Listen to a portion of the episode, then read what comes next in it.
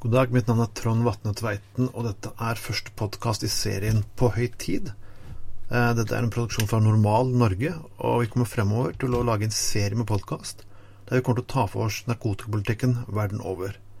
Denne gangen skal vi snakke med politimannen for Eastern Missouri, Larry Kirk, som også er eh, aktiv i organisasjonen LEAP, eller som det også kalles Law Enforcement Against Prohibition. Dette er en bevegelse av politifolk, tidligere dommere, jurister og mange flere, som kjemper for en legalisering av all narkotika i USA.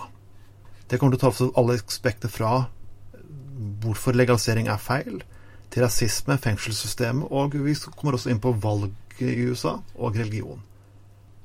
I must say I was surprised when I heard about this organization. So, can you tell me a little bit about LEAP is? How did these people come together and start this organization? Well, I think uh, the the main part of the organization came along a few years ago with uh, two or three police officers who had worked uh, for a while, uh, special, uh, especially in the area of narcotics, and narcotics enforcement, drug enforcement. And I think that the main thing that kind of came to them was that the way we've approached um, drug usage in this country and our idea of a war on drugs was a policy that had, had failed us as a, as a people, as a nation, and it was actually probably doing more, more harm than good.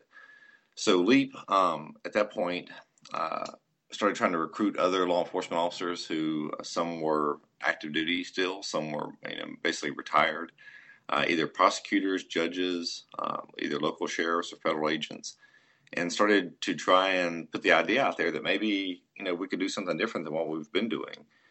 So uh, LEAP was formed, and I think that it's been you know steady growth. I think in the last few years, um, my personal experience seems to point that we were getting more and more attention um, especially in the law enforcement community. Uh, other police officers, I think, that are starting to at least notice the efforts of LEAP, are starting to research uh, our drug policies here in America and actually look at the history of them. And I think that it's uh, kind of brought about an awakening in the, in the law enforcement community. And I think it's definitely helped us in a lot of the campaigns in some of the states where we've tried for medical marijuana and for full legalization. So uh, LEAP now, I think, is getting more support from active law enforcement officers. One thing in the past is uh, people have always asked about why we have so many officers who are retired but not actively working, and I think a lot of that is political. Uh, people don't realize that you know you can walk in the next day and be fired from some police jobs just for the political stance you've taken on the issue, and especially an issue like this. Um, you know, people don't lose their jobs over it, so they quietly support us but I think uh, I think you're starting to see more and more officers behind closed doors and um, outside of their work actually come forward now and, and speak out on this and say that hey you know uh, there has to be some type of reform and I think right now LEAP is the way that uh, we go about it here in America for um, law enforcement officers and I think that that's something that we're seeing LEAP now grow nationally and now internationally so it's uh, it's been a, a steady growth. And I think uh, that LEAP is is a avenue of support for criminal justice reform, especially in drug reform, that's uh, that's been well needed. You have been a police officer for over 20 years. How did you come to have this position on legalization? Um, well, I said, you know, like you said, for 20 years I've been in law enforcement. A lot of that was in uh, specialized units, uh, including uh, narcotics units. And probably about four years ago, um, we were hearing more states looking into medical marijuana. The idea of full legalization uh, was, you know, still kind of a pipe dream. No one was really even talking about that on the national level or even state level. So I started kind of looking into medical marijuana to the point to where it's like, well, you know, uh, why not try medical marijuana? People are really in, you know, in a situation where it can help them and we can regulate it like we do medicine, then I, I don't have any problem doing that anymore. So, uh, about four years ago, I was in favor of it. I was not actively campaigning for medical marijuana. I wasn't even actively, you know, trying to educate other people on it. Um, I was still for the idea of uh, prohibition for you know regular recreational use um, and, and all other drugs. So probably, I said, this would have been probably 2012, which would have been about 10 years after LEAP was founded. LEAP was founded in 2002. I had a chance at uh, at a meeting uh, political meeting in St. Louis, Missouri, to meet a gentleman who was trying to uh, start a legalization movement here in Missouri, like was going on at that time in Colorado and Washington. So I spoke to him about it. Thought it was something that I would kind of pay attention to just to see how it would do. Um, you know, what kind of effort they really had. They had a fundraiser one night in which Neil Franklin was invited, and Neil is the um, executive director of LEAP, a former uh, City of Baltimore police officer, Maryland State Police uh, officer, worked most of his career in narcotics. And about an hour before the meeting or the fundraiser, I was able to sit down with Neil and we talked, you know, old school police stories, um, you know, what we call war stories about things that we did in the past. And we had a lot of common ground where it came to, you know, where we used to feel about narcotics enforcement. Uh, he made a lot of good points that night in regards to uh, how we had failed in drug prohibition, like we had failed in alcohol prohibition back in the 1930s. Uh, so after leaving Neil that night, I started doing some research on my own of some of the points that he had made, and within uh, probably two to three weeks, I was pretty much uh, sold on the idea of, uh, of legalization, uh, especially for marijuana, because I started looking into why we made it illegal to begin with. And if you look back uh, at the historical aspects of why we made it illegal, it was a horrible reason why, and it's definitely been a horrible reason why to continue it uh, that policy for 75 years now. So I contacted Neil, told him I was interested in, in joining, and then a few months later, he wanted to know if I would be uh, able to actually start speaking out on it. So I was able to contact some of my local uh, politicians, our mayor and board, and I talked to them about the issue, our city prosecutor, our city judge. I was surprised that um, there's a lot of people out there who are for legalization, but just uh, aren't public about it. So uh, about two to three years ago, probably say three years ago now, I became actively uh, a speaker for Leap. I do interviews like this one um, and trying to put the word out there, and especially to other police officers that uh, that there's a story that we haven't been told. We haven't really, we're not really told the history of marijuana. We're not really told the history of drug policy in America. Whenever we go through the police academy, we're just told that it's bad for you and that we should do everything we can to, to stop its use. Um, and I think once you start looking at it from a different aspect, I think it's uh, pretty easy to, to sell yourself over to the idea that we need to, to make the change and to end prohibition. How and why did you become active in the LEAP? Um, well, I said, you know, like you said, for 20 years I've been in law enforcement. A lot of that was in uh, specialized units, uh, including uh, narcotics units. And probably about four years ago, um, we were hearing more states looking into medical marijuana. The idea of full legalization uh, was, you know, still kind of a pipe dream. No one was really even talking about that on the national level or even state level. So I started kind of looking into medical marijuana to the point to where it's like, well, you know, uh, why not try medical marijuana? People are really in, you know, in a situation where it can help them and we can regulate it like we do medicine, then I, I don't have any problem doing that anymore. So, uh, about four years ago, I was in favor of it. I was not actively campaigning for medical marijuana. I wasn't even actively, you know, trying to educate other people on it. Um, I was still for the idea of uh, prohibition for you know regular recreational use um, and all other drugs. So probably, like I said, this would have been probably 2012, which would have been about 10 years after Leap was founded. Leap was founded in 2002. I had a chance at uh, at a meeting, uh, political meeting in St. Louis, Missouri, to meet a gentleman who was trying to uh, start a legalization movement here in Missouri, like was going on at that time in Colorado and Washington. So I spoke to him about it. Thought it was something that I would kind of pay attention to just to see how it would do. Um, you know what kind of effort they really had they had a fundraiser one night in which Neil Franklin was invited, and Neil is the um, executive director of LEAP, a former uh, City of Baltimore police officer, Maryland State Police uh, officer, worked most of his career in narcotics. And about an hour before the meeting or the fundraiser, I was able to sit down with Neil and we talked, you know, old school police stories, um, you know, what we call war stories about things that we did in the past.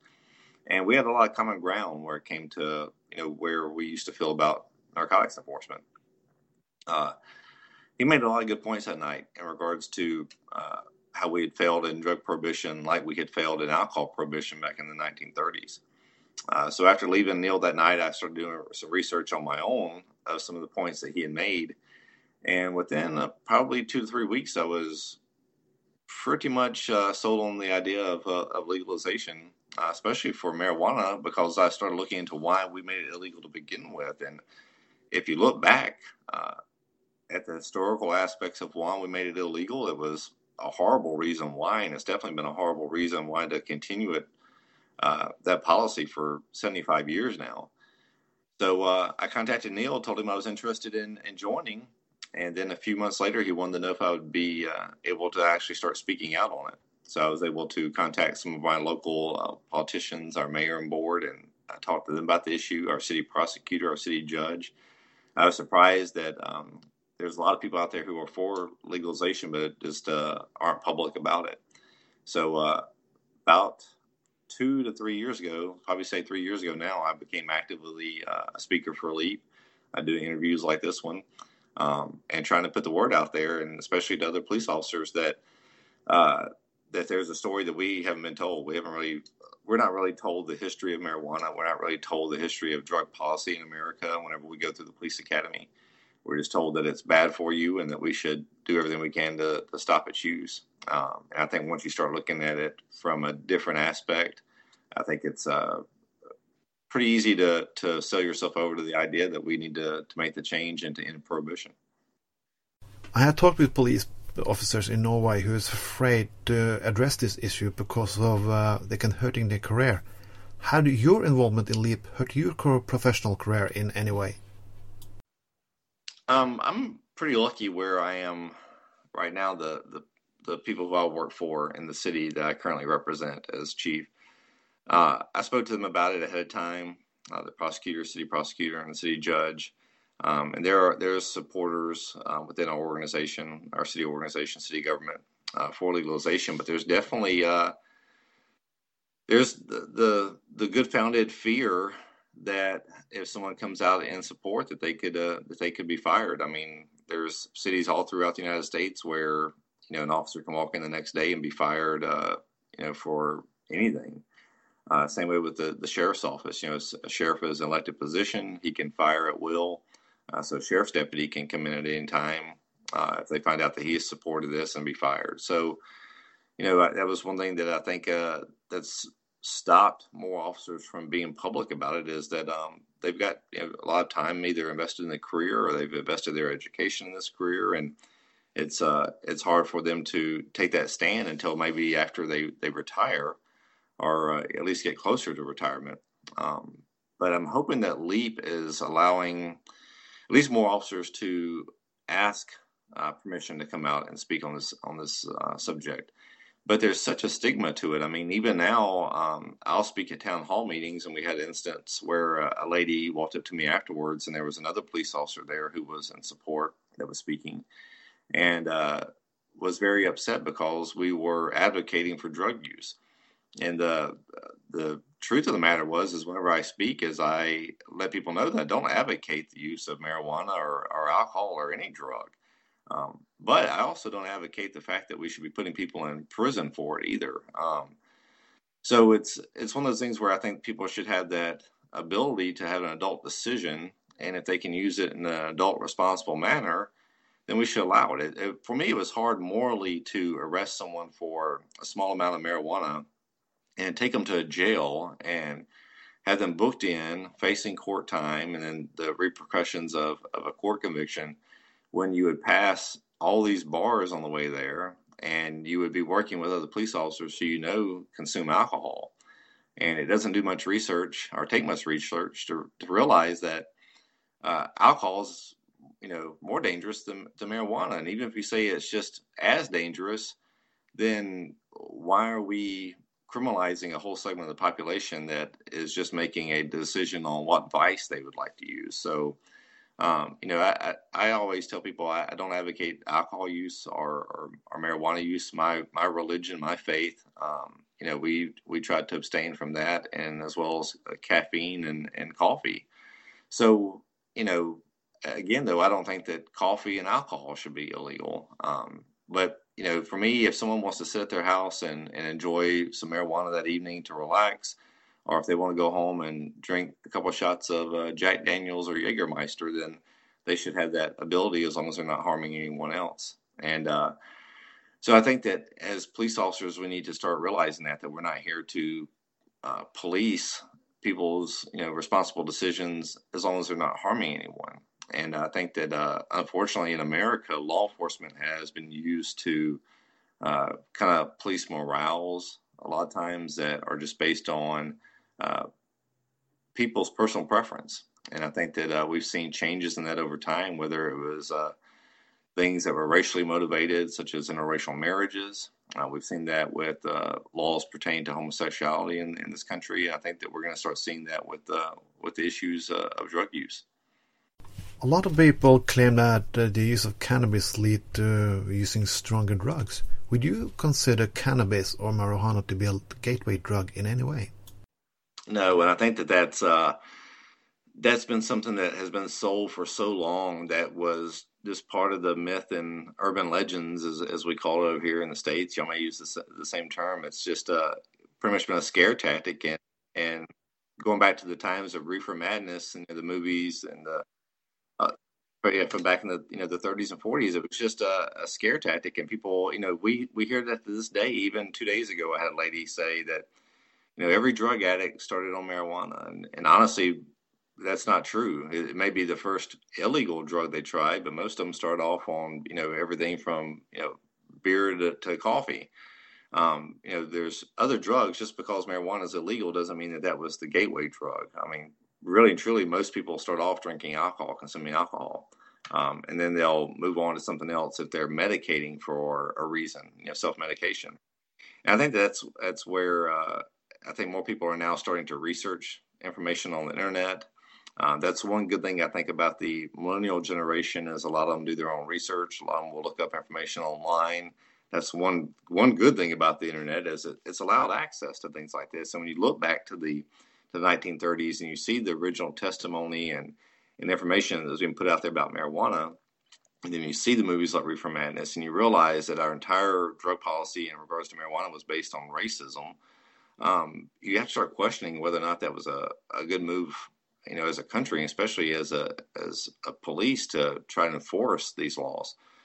So the gateway theory is, is not true, and it's, it's been shown that it's been shown that maybe people start off drinking alcohol, the next easiest uh, thing to move to would be um, uh, marijuana because it's something that is easier to get to. But then in an illicit drug market, if you go to someone who's selling marijuana, and for example, if you're self medicating for depression or or anything else, and all of a sudden you decide that you know alcohol doesn't do it for you anymore, marijuana's not doing it for you anymore. Maybe the guy that sells you your marijuana also knows the guy that sells heroin, and next thing you know, you're trying heroin. Um, but most people don't do that. Most people uh, will start with alcohol and they stay with alcohol. Some people will have an opportunity to try marijuana and they enjoy marijuana more, so they start smoking marijuana and, and don't drink alcohol. Uh, most people, though, that try marijuana never even go on to continue using it. Uh, most of them never even develop any type of uh, tolerance or any type of um, uh, build up to where they feel a need for it. I mean, it's not uh, physically addictive. They may develop you know, a psychological addiction to it, but uh, most of those people then never go on to use a harder drug. So you, you know, to, to sit there and say that we should make marijuana illegal because a s- small percentage, less than one percent, go on to become a heroin addict, um, then we then we should go back to making alcohol illegal because look at how many people who drink alcohol go on to use marijuana. So you know, again, it's it's a it's a thing where you're not going to stop it um, through prohibition, uh, and you're definitely not going to address other issues like um, you know harder drug use, as we say here in America, with with meth or heroin or cocaine, by trying to keep going after marijuana. And at some point, you just have to realize that all you're doing is you're aiding drug cartels and street gangs by allowing this to, to remain illegal. This war on drugs is now over 40 years old. How would you say that uh, Richard Nixon's war on drugs have uh, worked out?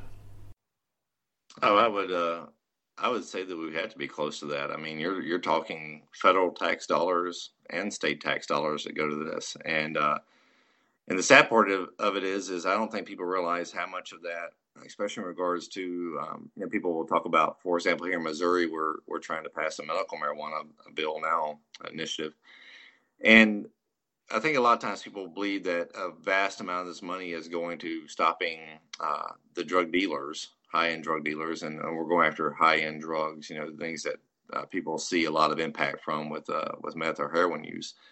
And um, and if you really look at it, a vast amount of our resources and, and and what we call this war on drugs go to misdemeanor marijuana users.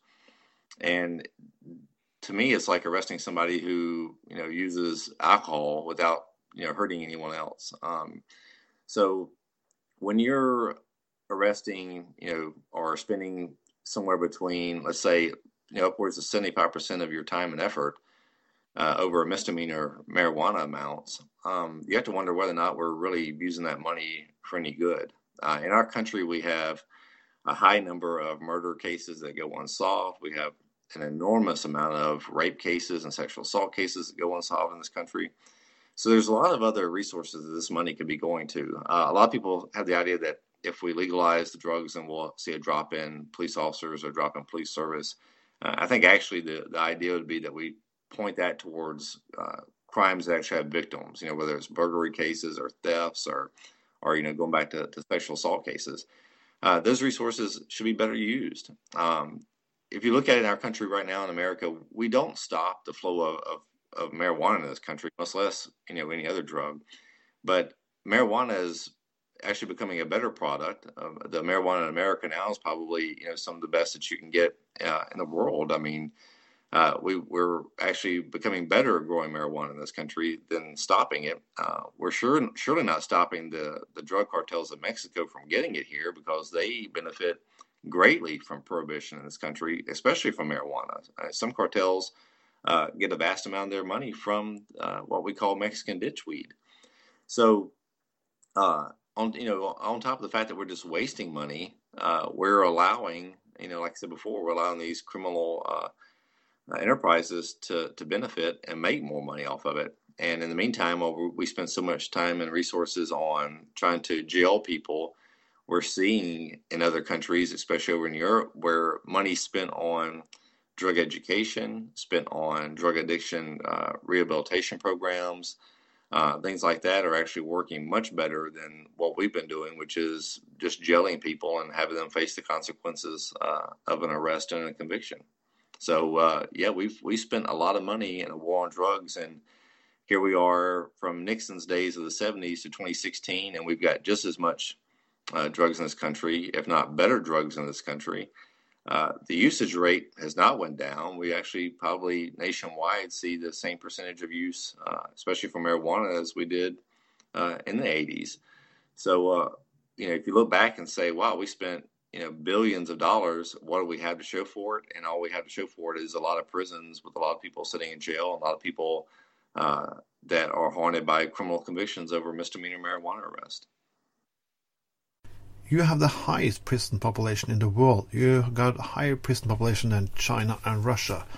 How is this an effect of the war on drugs? Well, I think uh, you know there's two things of that. One is, um, you know, a lot of people say, well, there's not a lot of people in prison for just simple possession, and, and there's not. I mean, a lot of people that you see in, in jail now, especially long term, are people who are selling marijuana. But I mean, we don't arrest people at curb stores for selling uh, beer. But people get this on their record, and nowadays criminal records are, are checked by employers um, and the federal government. Uh, even misdemeanor marijuana arrest can uh, lose benefits. You can lose college scholarships, college grant money. So what we do is we get these people who, you know, in their early parts of their life, um, you know, have marijuana on them, get arrested for it, and then it haunts them. Uh, whether they're trying to get education, whether they're trying to get a job later, um, and like you said, you know, even if they go into jail for a short amount of time, uh, what does that, you know, expose them to that they weren't involved with before? Uh, but I think the biggest thing is just looking at the long term effects of, of how much this will affect you. We, we've had people who uh, have probably been affected more uh, detrimentally for a misdemeanor marijuana arrest than people who I know who were convicted of, of driving while intoxicated, which to me is a lot more dangerous because you're actually driving in, in, a state that you could have hurt somebody and put yourself in a position to hurt someone, as opposed to somebody who was just driving down the road, not um, at that time with the influence of marijuana, but just had you know some in their their purse or their their pocket. Uh, so, like you said, I, I, think the biggest thing is, you know, how you know, I, I think for some reason we believe that if we, the threat of jail, the threat of uh, fines makes people uh, stop doing something, and that's just not true. I mean, uh, if you look at it from what I believe is a sociological aspect, crime is a, a decision people make based on risk and rewards. Um, if if laws prevented people from doing stuff, then we wouldn't have crime because we already have laws covering it. Uh, if you look at speeding here in the United States, uh, people make a conscious decision to speed on the interstate every day, and uh, most of them do because uh, the risk and reward is they believe that it's worth the risk. There's not as many police officers out there. The fine's something that they can pay if they do get caught. Um, so it, it, it, doesn't really make anyone not do it. It just makes them decide whether or not it's worth being caught if they do do it or not. Um, and I think that that's where we're kind of looking now with marijuana, where there's a lot of people who are saying, hey, you know, maybe we, if we don't make it legal, we definitely need to quit making it to where it's causing so much harm on persons who, who are arrested with it. And you're seeing more what we call decriminalization, which uh, I think is a stopgap measure uh, until we can legalize it. Uh, I think there's a lot of cities now that make it a small fine, $50 fine, something like that, no jail time. It doesn't go on their criminal record. Um, and I think that's great, but I think we still need to move towards uh, legalization uh, just to prevent that from even being an issue. Again, I think morally as a country, we have to quit saying, well, I'm totally okay with uh, glamorizing alcohol use and okay with my friends using alcohol. I'm okay with myself using alcohol, but uh, marijuana is bad. And if you use marijuana, then you get whatever you have coming to you. I mean, let, us face it, we're both using uh, a drug, whether it's alcohol or marijuana, and we're both doing it for the same reasons in most cases, and that's to you know enjoy ourselves or relax or have a good time or whatever. And um, I think it's unfair that we somehow justify our drug use just because the government picked ours over somebody else's. And uh, and like you said, I think it's I think it's it's more harm. Uh, probably putting people in these positions and, and putting it to where people can't get certain jobs and can't get certain benefits. Um, over over something that they probably were using responsibly to begin with. The war on drugs has also been linked up to racism and the war on black people. What did you comment on that? Well, you know, when I first uh, first heard that a few years ago, that uh, drug enforcement was just um, kind of built on the idea of racism and was and was enforced uh, unequally. Um, I would have disagreed. I just I didn't see that. I um, I mean I'm not racist. Most of the, the people I've grown up with and and had worked with weren't racist, so I just I couldn't see the tie-in to what they were talking about. Um, but then I started researching, you know, some of the information they had, and you, you realize, especially with the uh, Americans for Civil Liberties Union, the ACLU in the United States, they produced a paper called um, Black and White, I believe it was called, and it showed the uh, arrest differences, the numbers, the ratios uh, from some cities to the states uh, that showed that, that African Americans were uh, arrested a lot more uh, than whites.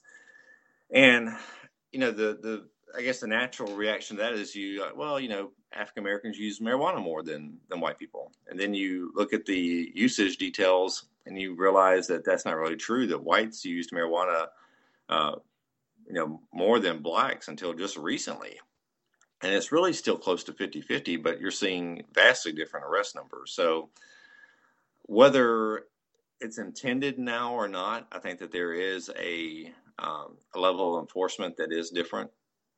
Uh, again, I don't know. I don't think that the basic police officer on the street goes out there every day, you know, targeting drug enforcement as a as a racial tool to use against non-whites. I think it's just something that uh, has happened due to uh, over aggressive enforcement in high crime areas. And unfortunately, a lot of times high crime areas are, are low poverty areas, and uh, low poverty areas a lot of times have high minority um, populations. And in this idea that we're going to clean up high crime areas by going after uh, you know drug arrest and just you know saturating areas with police officers, arresting everybody for everything. Uh, you know we've we've done that to where it's uh it is enforced um, unequally. So uh, you know, I think it's one of those things where it's a consequence of the drug war. One of the things I talked to Neil Franklin about, sometimes I'll I'll say that the drug war has been a almost like a bad relationship, and I'm not sure how you would term this in, in Norway, but you'll have you know a, a bad uh, a girlfriend and boyfriend that are just a bad relationship. They're always fighting. They're always you know going at each other. You know maybe a husband and wife that should get divorced, but they're always you know fighting and you know it's just a bad marriage. And uh, in these bad marriages, a lot of times you have uh, children that come from it that are, are bad children, uh, bad offspring. And to me, the marriage of law enforcement to this drug war has been a bad marriage. And we have had bad offspring, and some of that bad offspring has been the racial disparity we see in the in the enforcement of it. Um, so now the idea that law enforcement is racist, or the idea that drug policy is racist, um, there is a, there is a level of truth to it, but you have to just see where that comes from. And as a police officer, you have to start saying, "Hey, you know, uh, you know, look what we've done. Look at this bad offspring that we have from this bad marriage to this drug war. And uh, so, yeah, I think it's it's almost impossible to deny that it, it doesn't have a, uh, a detrimental effect to minority communities because it is being enforced differently. And then if you look at um, Nixon in the 70s, I mean, he now that we've got information coming out, more information that comes out that says that that Nixon and the drug war excuse me, were were definitely targeting people who were against Nixon. They were uh, going after a counterculture at the time. If you go back to the 1930s, uh, Harry J. Anslinger, uh, whenever he was testifying about marijuana, talked about indigenous races and talked about you know blacks, uh, Negroes, talked about you know uh, Spanish people and uh, Mexicans. So going after marijuana was going after a drug that at that time most whites didn't use. It was uh, a drug that you know Negroes used, and if you look at his testimony, it was the idea that we were going to make it illegal because it made uh, Negroes more criminal. It made Negroes uh, more uh, sexually uh, attractive to white females.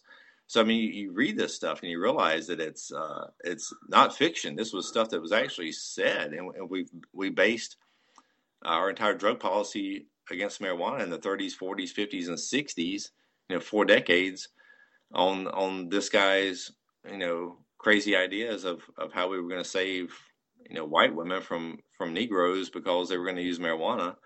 Um, and then Nixon turns around and ups the ante by uh, creating this drug war. Um, by going after you know enemies of his. So it's impossible to deny that not only now is it unequally enforced, but uh, it was founded. I mean, marijuana prohibition is founded on nothing more than than racism, and unfortunately, uh, again, we're never taught that in college. We're never really taught that in school. We're not taught that in the police academy. We're just told that marijuana use is bad and uh, that our job is to stop it. And then uh, I think now you have more people starting to ask, well, why is it bad, and uh, why are we here at this point? And I think, I think that you're seeing more people read the old testimony from the 30s and reading comments uh, from Nixon and his staff, and and when you see it on a historical basis, you realize, wow, we've we've we've wasted a lot of resources and have hurt a lot of people um, in the way that we've addressed this. And uh, and and unfortunately, racism is that um, bad offspring from this bad marriage that we've been part of between law enforcement and uh, and this war on drugs.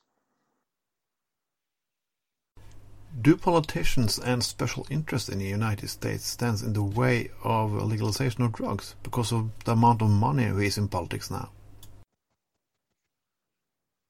Yeah, I think it crosses a, a, a bunch of different areas. I mean, there is the um, the idea that there is financial backing behind keeping it illegal because it will affect um, pharmaceutical type companies, um, especially in the medical marijuana field.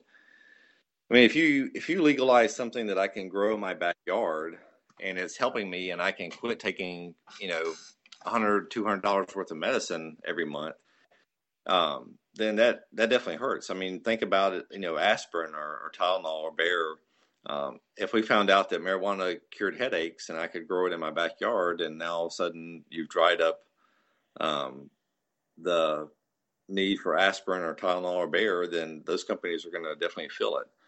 So, you know, there there is that aspect uh, when it comes to the monetary backing or who's actually behind it financially when it comes to the medical side of it. But I think the the biggest thing is I think it still kind of tears at, um, like we talked about earlier, kind of like a moral fiber. You know, you know, whenever somebody like me says, "Well, you know, marijuana use should be legal. We should allow people to have that decision.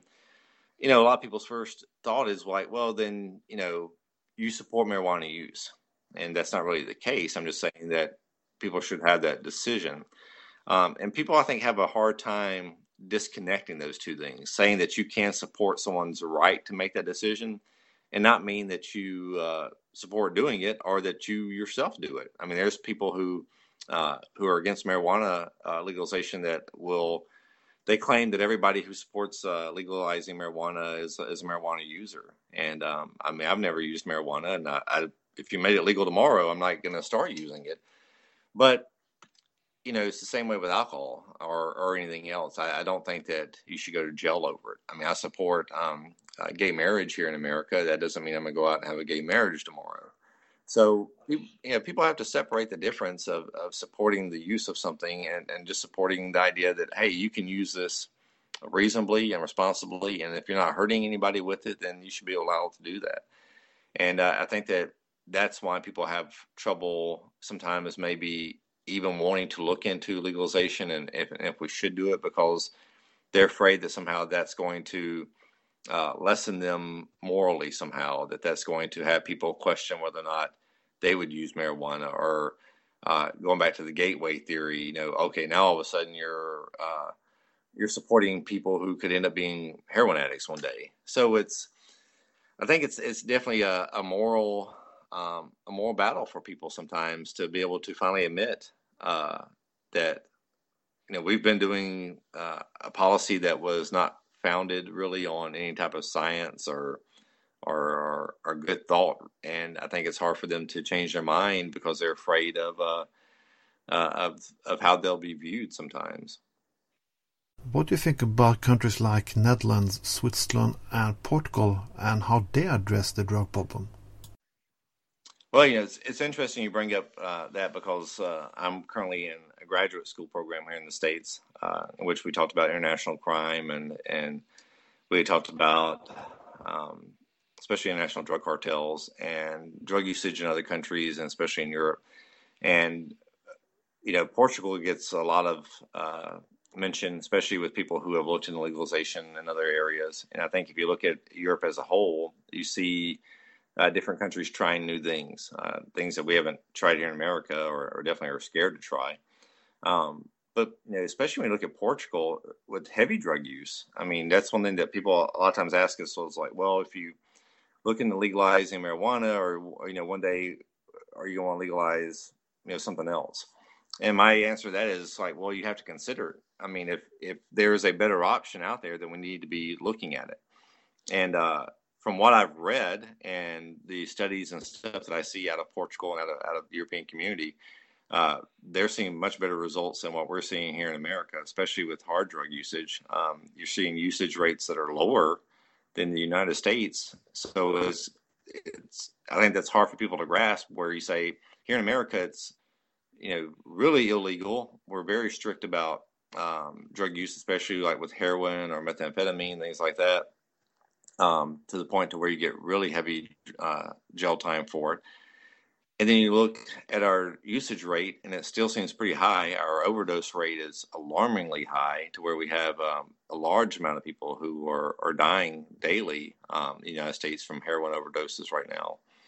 And then you look at a country that's decriminalized it, which you know is allowing for some you know either use or some possession, and you see their uh, their drug use rates are lower you see their uh, drug overdose rates are lower. Uh, so it's hard to then argue that we need to make it more of a crime and enforce it more whenever you're having countries that are enforcing it less uh, have better results than we are. Um, so I think uh, Portugal's uh, experiments have been, uh, you know, widely eye-opening for a lot of people, and I think that you're seeing that now in some other countries uh, that are trying. I know that I think I was reading the other day where maybe it was Ireland that was looking into some new approaches as well.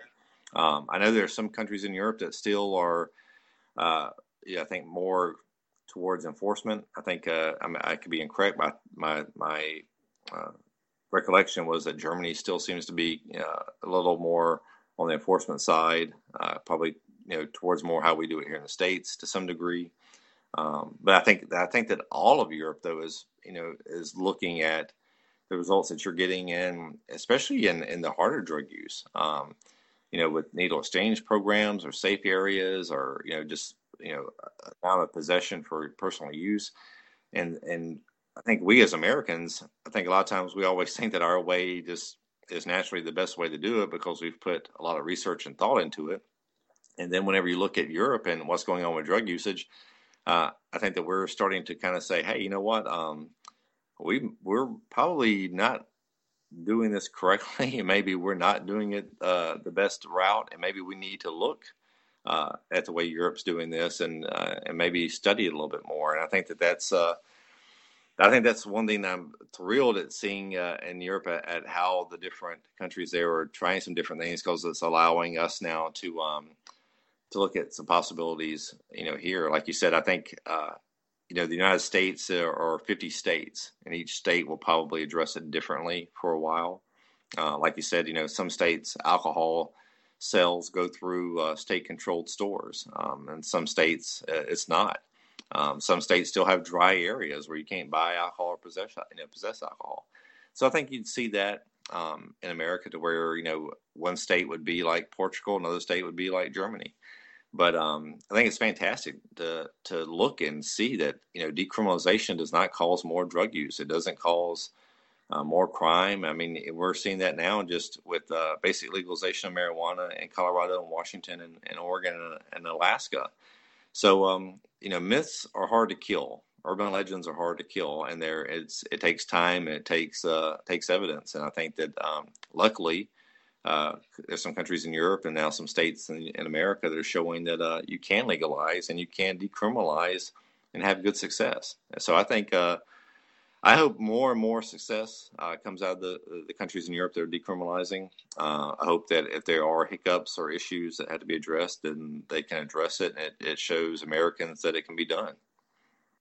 In Norway, often religious people are those who are most against legalization, but you are a Mormon. What do you have to say about that? And I think for I think for me, it's it's one of those things where uh, on two there's two things that come into play on that. One is um, you know, in America, we were a country founded on the idea of, of a freedom of religion, uh, no state based religion. You could practice whatever religion you wanted and not be, you know, tormented for it or ridiculed for it. Uh, my religion, the Latter day Saints, the LDS, the Mormons, here in America, uh, where the where it was founded, um, were treated badly in lots of places. You know, they were chased out of uh, a few states. The the founder of our religion, Joseph Smith, was murdered um, over his religion and eventually they uh, got out to the state of uh, what's now the state of Utah, and and you know found you know started the religion and headquartered it there. But so you see, you know, even our country, there were times where religion was uh, persecuted if you weren't the right religion. So I'm I'm very worrisome whenever uh, someone promotes the idea that your government should be a theocracy or be religion based because that's a great idea if it's your religion. Um, but if if you're religious and you're not the ex, you know the exact religion that somebody else is, then it may not be that great for you. And I think that that's what people have to realize is that um, you know you have different kinds of Methodists, different kind of Baptists. You know, there's Catholics and all kind of Protestant religions, um, and they don't all agree on the same thing. So just because you tell me that you know, hey, you want a, a God based government, that doesn't mean really that um, is going to agree with everything you believe in uh, just because you're religious. So, as a Mormon, you know, people, most people know that we don't, uh, you know, use alcohol. We don't use tobacco. Uh, most Mormons, you know, refrain from any type of caffeine usage, uh, coffee and tea and sodas, things like that. Uh, so they're very, like you said, they're very surprised when they find out you have Mormons that support legalization. And I think the reason why is, for me, is that uh, our life here on earth is kind of like the idea of a, a test. Um, and in a test, you have to have the ability to make decisions. Um, and we believe in, the, in that free will that uh, God uh, gave us the, the ability to choose on our own. So when presented uh, with different choices, He doesn't make us choose. You have that free will to choose. Um, so it's one of those things where it says, well, if we go throughout our life trying to end the world of all sin, then are you ever really challenged to make the right decision to begin with? So, and you know, for me, it's you know, again, uh, I don't think that we should hold some type of moral high ground that we should uh, penalize people for doing something that we don't agree with if they're not hurting anyone. I mean, um, you know, again, our church, you know, says don't smoke tobacco, don't don't drink alcohol, but I'm not going to go out there and tell people they should go to jail over it. Um, so it's it's one of those things where it's uh, you know people are kind of surprised, and then you know hopefully have opportunity to, to speak to them about it. In the in the state of Utah, uh, looked at medical marijuana the last couple of years, and it was a very interesting um, debate. The church uh, itself, the Church of uh, Jesus Christ of Latter Day Saints, um, came out with a statement saying that they didn't really support it at that time, the legalization for uh, medical use but a large portion of the of the body of the church does support it. So it's uh it's it's very interesting that the official church stance kind of is one thing, but then the church body is is going another direction with it. And I think uh, Mormons are very, um, I think, uh, very humanitarian. And I think that that's one thing you have to look at, especially in the medical aspect in the state of Utah, was how can you sit there and tell someone that they can't use something that could possibly help them, uh, especially when it's uh, you know you're trying to do it in compassion, you're trying to help that person, uh, and to tell them no just because you know you fear that somebody may get it and then use it illegally, I think is is, is pretty harsh, and I think that that's uh you know a moral thing. I think that uh you know it's, it's hard to sit there and say you have to suffer because we don't agree with this. But um, yeah, I think that and there's you know there'll be Mormons who are on the other side of the fence that, that are totally against this and that uh, you know wouldn't want to see it happen. But I think uh, in the long run, for me, it's uh, it's a free will decision that we have to allow people to to make, and uh, that doesn't mean that I say you should go out there and legalize it and smoke a pound every day or go out there and drink a case of alcohol every day, but um, but I'm going to support the idea that that's going to be a better way to, of dealing with it than the way we've been dealing with it in the past. It's an upcoming election now in the United States. What would you think will be the result for the legalization movement after the election? Well, you know, a lot of that will depend on who's elected for sure. Um, I think right now, on the federal level, the big push has been to at least remove marijuana as a Schedule One drug off of our Drug Enforcement Administration, the DEA's um, scheduling list, which would allow for more um, testing, more federal uh, funding towards testing, and it helps uh, in states that have passed legalization and, marijuana laws uh, that would be for medical use. You know, I don't know if we will ever get a lot of assistance uh, in legalization from the two current leaders of the two major campaigns. Uh, you know, Hillary Clinton on the Democrat side uh, Republicans with Donald Trump. I'm not sure either one of those would ever push uh, hard for that to be removed from Schedule One. I would think that they wouldn't fight it as much, uh, like it would be an issue as much. Uh, same way with with our Congress and our U.S. Senate, our two houses of, uh, of government underneath them.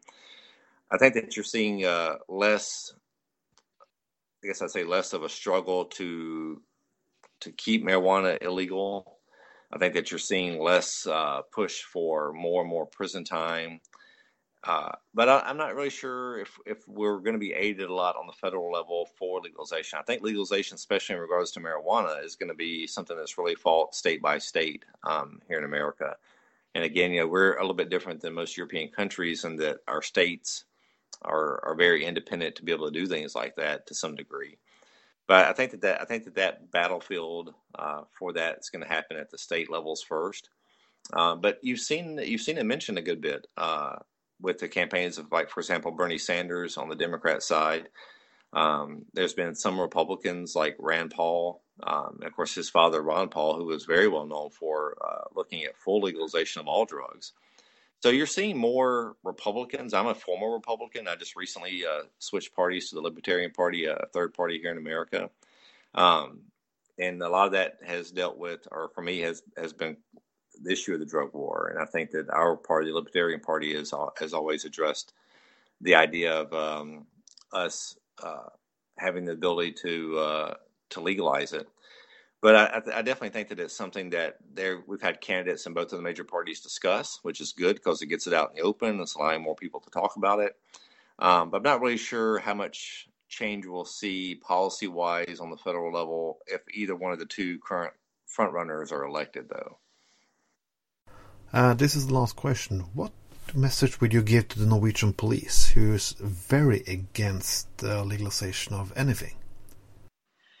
Well, you know, for me, it's the same thing I, I tell officers here in the states, and that's um, you know we have to look at what's best for um, all of the people um, that we serve. I mean, we are supposed to, you know, here in America, we have the term protect and serve, um, and you're not protecting people from bad decisions. You're you're you're supposed to be protecting them from crime, you know, from being victims. Um, the choice of one's lifestyle doesn't make them a victim. Um, and just because you don't agree with it doesn't mean that it's something that should be enforced legally.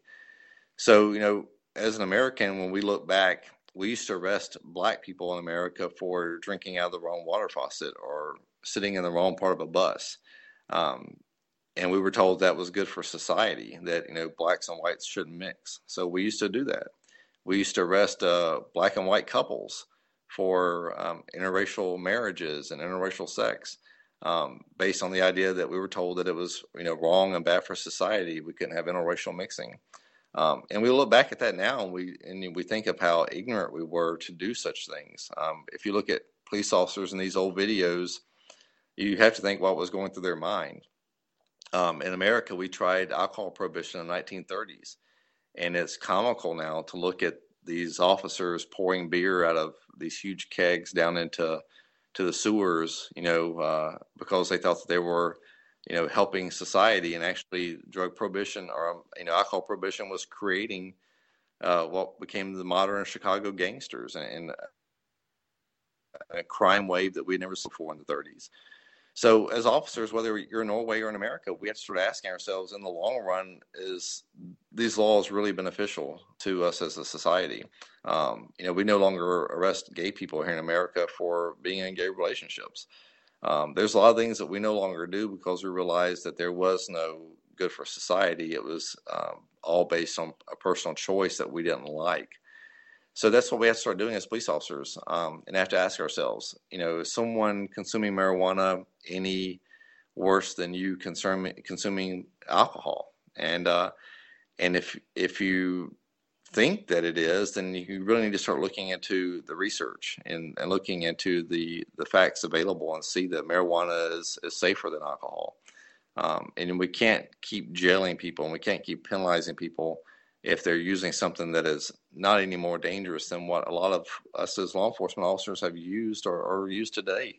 Um, so, you know, we have to ask ourselves as protectors of the community whether or not the laws that we're enforcing really do serve the people uh, in that manner. And, it, and there's nothing wrong with questioning laws. I mean, you're sitting out there on the front lines to enforce these laws. And, you know, here in America, uh, we have police officers that get killed every year enforcing drug laws, and some of them are killed over enforcing uh, marijuana laws. These are officers who have died in the line of duty over something that uh, could easily be legalized and put in a regulated market, uh, as we do tobacco and alcohol um, here in the states.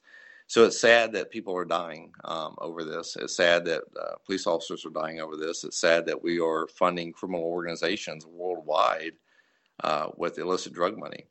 So, you know, I, ho- I hope the officers in Norway take the opportunity to uh, research what other countries are doing, um, see the research out there on marijuana use, and and not buy into the idea that it's a gateway drug, that it lowers your IQ, that it causes you know all these other things, and and start you know being active and uh, and the writing of these laws and be active in and saying hey there needs to be changes. Um, that that's your job as a protector of, of the community. I mean, that's how we look at it here in America: is that we serve the people of our community, and I think serving them is also questioning whether or not uh, the policies uh, that we're sent out there to enforce are the best policies for the community uh, as a whole and society as a whole.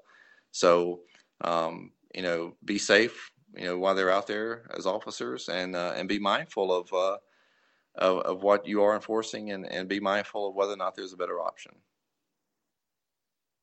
Dette har vært et intervju med en av Leaps talsmenn i USA, Larry Kirk, som er politisjef i East Missouri. Mitt navn er Trond Vatne Tveiten. Dette har vært en produksjon laget av Trondpod Production for Normal sin serie På høy tid. Denne podkasten, vel, kommer til å skape litt uh, produller, antageligvis, men jeg håper at flest mulig av dere syns den er bra, og at flest mulig av dere sprer den til eh, flest mulig av deres venner og kontakter. Til neste gang, ha en fin dag.